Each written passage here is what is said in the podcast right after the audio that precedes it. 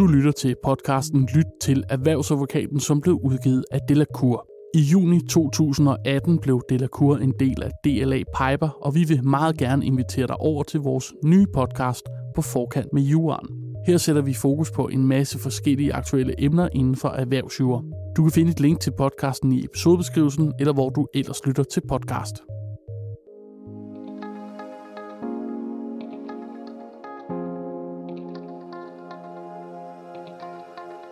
Hvordan gør man, når virksomheden skal ansætte en ny direktør?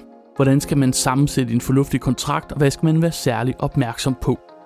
Velkommen til Lytted Erhvervsadvokaten, en podcast fra Delacour. I dag skal vi snakke om direktørkontrakter, for når en virksomhed skal besætte pladserne i toppen, er der en række ting, der er vigtige at vide, når kontrakten skal udformes. Derfor vi besøg af en, der ved rigtig meget om ansættelsesforhold for direktører. Michael Kleis Pedersen, du er advokat i Delacour med speciale i ansættelsesret. Velkommen til. Tak for det. Først og fremmest, hvad er din rolle her i Delacour? Jamen, jeg er ansat som, øh, som advokat, og som du selv nævnte, øh, med øh, speciale i arbejde og ansættelsesret, øh, og har arbejdet øh, i Delacour de sidste 10 år. Michael, hvad er særligt ved en direktørkontrakt? Det, der er særligt ved direktørkontrakten, det er, at, at der er aftalefrihed mellem øh, direktøren øh, og, og selskabet. Og det betyder øh, som udgangspunkt i hvert fald, at man kan aftale, øh, hvad man har lyst til. For en almindelig lønmodtager, der, der har vi forskellige, øh, forskellige lovgivning, øh, der giver øh, forskellige rettigheder og forskellige beskyttelser til, til medarbejderne. Den lovgivning gælder ikke for, øh, for direktører. Du kan aftale, hvad du vil i forhold til, til opsigelsesvarsel, ferierettigheder, konkurrence og, og, og kundeklausuler, og i virkeligheden øh, alle væsentlige øh, øh vilkår for ansættelsesforholdet. Men det gør vel også, at man skal være endnu mere opmærksom, når man, når man udfærdiger sådan en kontrakt, både på, hvis man sidder som den ansættende part eller den, der bliver ansat. Det er rigtigt. Hvad skal den gode direktørkontrakt indeholde? Jamen altså, den, den gode direktørkontrakt skal jo, øh, skal jo indeholde øh, forskellige ting, og i virkeligheden, der kan man jo godt tage udgangspunkt i, hvad man vil øh, skrive ind i en, i en almindelig øh, ansættelseskontrakt. Men, men helt basalt, øh, så, så handler det jo om, at man skal have styr på, på tiltrædelsestidspunkt, hvor man bliver placeret hen i organisationen, øh, løn, bonus, ferierettigheder, opsigelsesvarsel, øh, værv under ansættelsen, konkurrencebegrænsende aftaler og, og så videre. Mm. Vi har valgt nogle af de her punkter ud. Der er jo selvfølgelig mange flere punkter end det, vi når at komme igennem i den her podcast. Men vi har valgt nogle af dem ud, hvor man skal være særlig opmærksom. Hvis vi starter med at snakke løn. Man kan jo aflønne en direktør på forskellige måder, alt efter hvad for et typisk selskab det er osv. Hvilke muligheder ser man typisk som øh, gode muligheder at aflønne en direktør? Typisk vil der jo være en grundløn. Og derudover så vil der være, typisk også være en eller anden form for, for bonusordning, som jo kan bruges sammen på mange forskellige måder. Det, det kan jo være sådan helt, helt, helt basic og helt simpel en, en bonusordning, der er resultatorienteret. Øh, også det, man kunne kalde sådan en, en, en, en ordning hvor, hvor man får en eller anden procentdel af, af virksomhedens øh, overskud, og det betyder jo, at hvis det går godt, jamen så får man en høj løn, og hvis det går mindre godt, ja, så får du øh, en mindre løn. Men i virkeligheden kan man forestille sig mange forskellige bonusordninger. Det kan være øh, i form af en, en, en aktieoptionsordning, der giver mulighed for, at, at man får, øh, får medejerskab i, i virksomheden, og det kan også være, være, være andre øh, typer af bonusordninger end hvis det er vigtigt for virksomheden, at, øh, at direktøren er der øh, i en bestemt periode, så kan man aftale øh, noget, der hedder en, en fastholdelsesbonus, og der er mange øh, forskellige muligheder, og, og det afhænger meget af, hvad det er for en øh, situation, virksomheden er i, og hvad det er, man mm. øh, gerne vil opnå fremadrettet. En af de andre ting, vi snakker om, øh, skal er vigtigt at, at få afklaret den her kontrakt, det er om direktøren, hvilke muligheder direktøren har for andre typer værv under ansættelsen. Hvordan løser man typisk det? Altså man kan sige, udgangspunktet er jo, at i, i det omfang, at, at, at det er forenligt med øh, erhvervet som, som direktør, øh, så kan man godt have øh, bibeskæftigelse ved siden af. Det kan jo være bibeskæftigelse som bestyrelsesmedlem øh, i, øh, i et andet selskab, og det kan jo også være øh, fritidsværv som fodboldtræner eller, øh, eller lignende, men, men mm. det er mm. ofte noget, man, man regulerer ret tæt i direktørkontrakten, fordi at, at det ofte er vigtigt for selskabet, at direktøren også bruger sin Øh, sin fulde arbejdskraft i selskabet op på det her arbejde, man nu bliver, bliver, bliver ansat til og typisk vil der derfor øh, være et, øh, et forbud mod bibeskæftigelse. Det kan jo godt være relevant for en virksomhed, at direktøren har en bestyrelsespost for eksempel i, i, andre øh, virksomheder osv.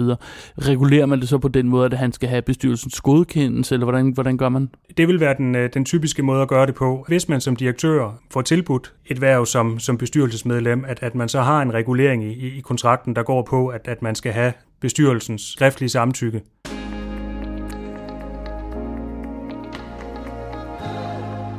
Hvordan fungerer sådan normal feriepraksis for direktør? Altså direktører er jo ikke omfattet af ferieloven, øh, hverken den nuværende øh, ferielov og heller ikke den ferielov, vi får øh, lige om lidt.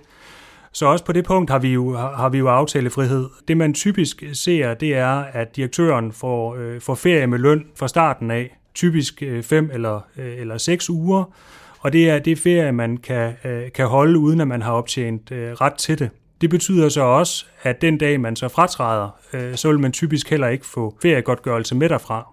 Okay. Så den dag, man fratræder, så vil man måske holde ferien i fratrædelsesperioden, eller hvordan, hvis man har noget ferie, der er til gode? Man vil typisk, altså har, har man den situation, hvor man har haft ret til ferie med løn fra starten, øh, og også uden at man på den måde har optjent ret til det, der vil øh, det typisk være sådan, at man heller ikke har ret til noget den dag, man fratræder.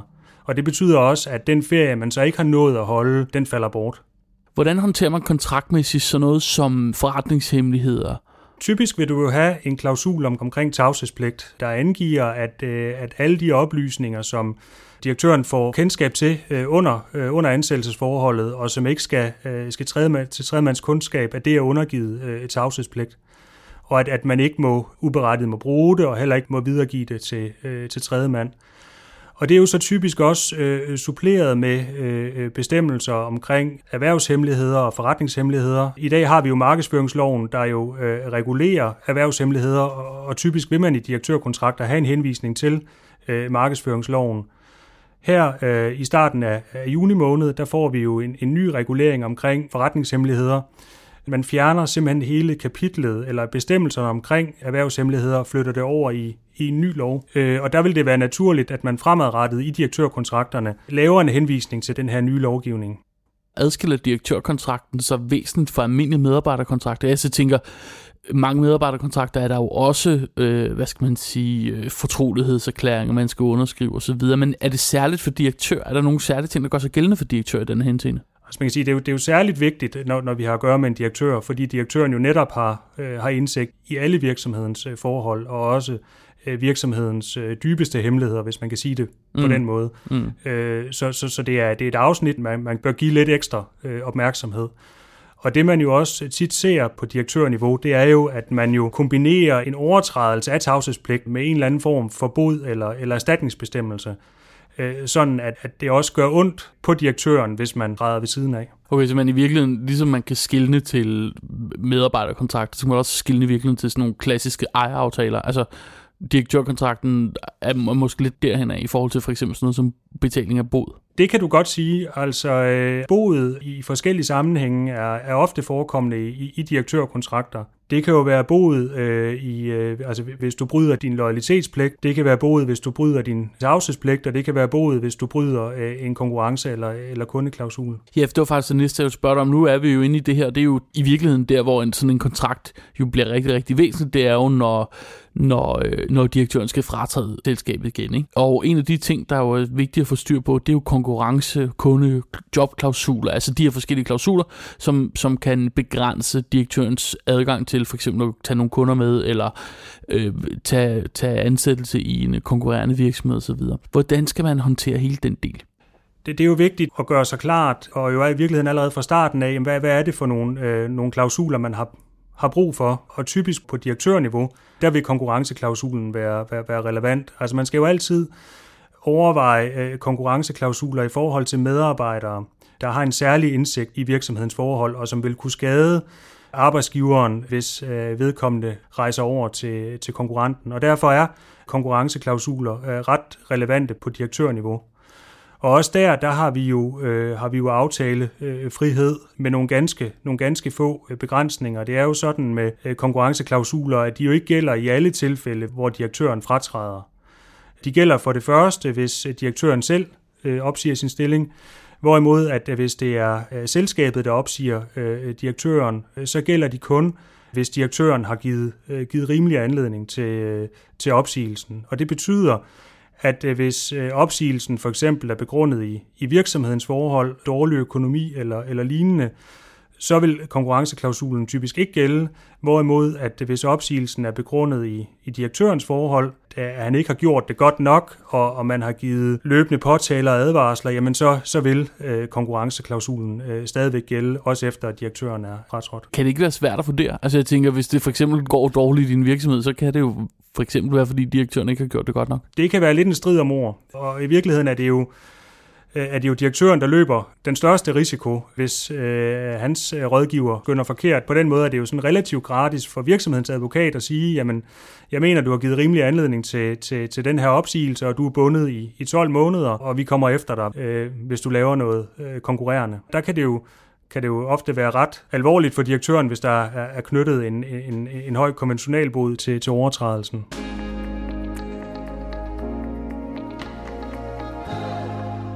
Hvordan håndterer man i øvrigt sådan noget som opsigelsesvarsel og øh, opsigelsesperioden? Ja, det er jo også en af de ting, man skal tage stilling til. Øh, altså, hvor, hvor, hvor lang skal opsigelsesvarslet være for direktøren, og hvor lang skal det være for selskabet? Det er jo også et af de punkter, hvor der er aftalefrihed, og hvor, hvor man kan aftale, hvad man vil, både for, for selskabet og, og for direktøren. Det man jo øh, ofte ser, det er, at, øh, at begge parter øh, gerne vil have et, øh, have et langt, langt opsigelsesvarsel. Direktøren vil gerne have et langt opsigelsesvarsel, fordi det giver ham tryghed og sikkerhed for, at han har løn i x antal måneder, hvis han bliver opsagt. Og omvendt vil selskabet også gerne have øh, et langt opsigelsesvarsel på, øh, på direktøren, fordi det kan jo være svært at gå ud og finde en anden direktør sådan med, med med relativt øh, kort varsel. Men det er et af de punkter, øh, som, som jeg altid udfordrer klienten på, om det virkelig er nødvendigt, at der skal gælde et, et opsigelsesvarsel, for eksempel fra direktørens side på 6 måneder. Fordi at har direktøren øh, truffet en beslutning om, at han, han gerne vil videre, jamen så vil han gerne videre og så vil du sjældent få, få ret meget mere godt ud af ham. Og øh, hvis jeg rådgiver øh, direktøren, så udfordrer jeg ham også altid på, om, om der virkelig er behov for, for 12 måneder fra selskabets side, fordi det jo omvendt også betyder, at hvis man bliver opsagt og, og fritstillet, at man jo så er sat ud af spillet i, i de her 12 måneder. Ja, fordi en klausul typisk vil gælde i den periode, eller hvordan? Der vil den helt almindelige loyalitetspligt gælde, og, og som vil jo forbyde, at du gik ud og tog ansættelse i, øh, i konkurrerende virksomhed. Og hvis man så på toppen af det har haft en, eller har en konkurrenceklausul på 12 måneder, jamen så er du jo lige pludselig ude af, øh, ude af spillet i, i 24 måneder. Så det, det er et af, de, et af de punkter, hvor jeg ofte prøver at udfordre klienten, også fordi det er et punkt, hvor der gemmer sig mange penge, og det kan være vise sig at være, være meget dyrt at komme af med, med direktøren, hvis man har aftalt meget lange øh, opsigelsesvarsler. Ja, apropos lige præcis det, du snakker om her, så skal vi også lige forbi fratrædelsesgodtgørelse det er rigtigt. Altså, øh, øh, man, man kan godt se det som, som to sider af, af samme sag, og det er også den måde, det bliver, bliver håndteret på, at frem for et langt øh, opsigelsesvarsel, at man så i stedet for giver direktøren en, øh, en fratrædelsesgodtgørelse, øh, der kommer til udbetaling under, under nogle nærmere angivende øh, betingelser. Typisk er det bygget op på den måde, at direktøren øh, får en fratrædelsesgodtgørelse, hvis han er, hvis han er good lever, hvorimod at hvis han er bad lever, øh, så får han ikke noget. Nej, de her tvister, som jo kan opstå i kølvandet på sådan en ansættelse, der er jo to forskellige måder, man kan løse det på. Altså, du anbefaler også, at man i kontrakten øh, laver en aftale for tvisteløsning. Det, det, det, er det rigtigt formuleret? Det, det er rigtigt formuleret, ja. Okay. ja. Altså man kan sige, der er, jo, der er jo to spor. Altså enten så kan man jo få afgjort sin, øh, sin sag ved domstolene, øh, og det, det er jo gældende, hvis man ikke har aftalt noget. Og ellers så kan man få afgjort øh, sine sager ved en voldgift, som er en privat domstol, kan man sige. Og det, det, er, det er en af de overvejelser, man skal gøre sig, og der er for og imod, om, om, om man skal vælge, øh, vælge det ene øh, eller det andet. Det man kan sige, det er, at hvis man, øh, hvis man gerne vil have en, øh, have en hurtig afgørelse øh, på tingene, øh, så skal man gå efter øh, at have en voldgiftsbestemmelse. Det, det man bare skal være klar over, det er, at man kun kan få prøvet tingene i en instans, og det typisk er er noget dyrere øh, end, end en almindelig øh, domstolsbehandling. Men det må man afgøre konkret, om, om man skal have det ene øh, eller det andet. Ja, det vil vel altid være billigere og bedre og hurtigere, hvis man kan blive enige. Det er klart. Du har jo lavet en meget, meget lang liste over alle de her forskellige ting. Vi har været inde på rigtig mange af dem. Der er også rigtig mange, vi ikke har været inde på Men vi linker i episodebeskrivelsen, så linker vi til den artikel, du har, du har skrevet ind på LinkedIn, hvor man altså kan se hele den her liste over ting, du nævner, øh, man skal være super opmærksom på at få med i sådan en direktørkontrakt. Men jeg kunne godt lige tænke mig at høre dig. Hvis man står og skal ansætte en direktør, og man ikke er jurist eller øh, ekspert i de her ting, hvordan skal man gribe den her opgave an? Et godt sted at starte er jo at tage kontakt til sin advokat og få et paradigme på sådan en direktørkontrakt. Også for at få en, en, en fornemmelse af, jamen, hvad er det for egentlig for nogle vilkår, vi skal være enige om, for at, at vi kan ansætte den her øh, direktør. Der er mange øh, virksomheder, der starter på den måde, at, at, at de ringer til mig og siger, at vi skal ansætte den her direktør, hvad gør vi? Og, og så vil jeg typisk sende dem et paradigme, øh, så de har noget at, at tage udgangspunkt i. Og når de så har øh, forhandlet øh, direktørkontrakten øh, på plads med, med, med direktøren, øh, så vil de typisk sende den til mig, så jeg kan gennemgå den og få tingene formuleret på den rigtige måde. Det kan vel være dyrt at gøre det forkert? Det kan være meget dyrt at gøre det forkert. Det, det findes der mange øh, eksempler på.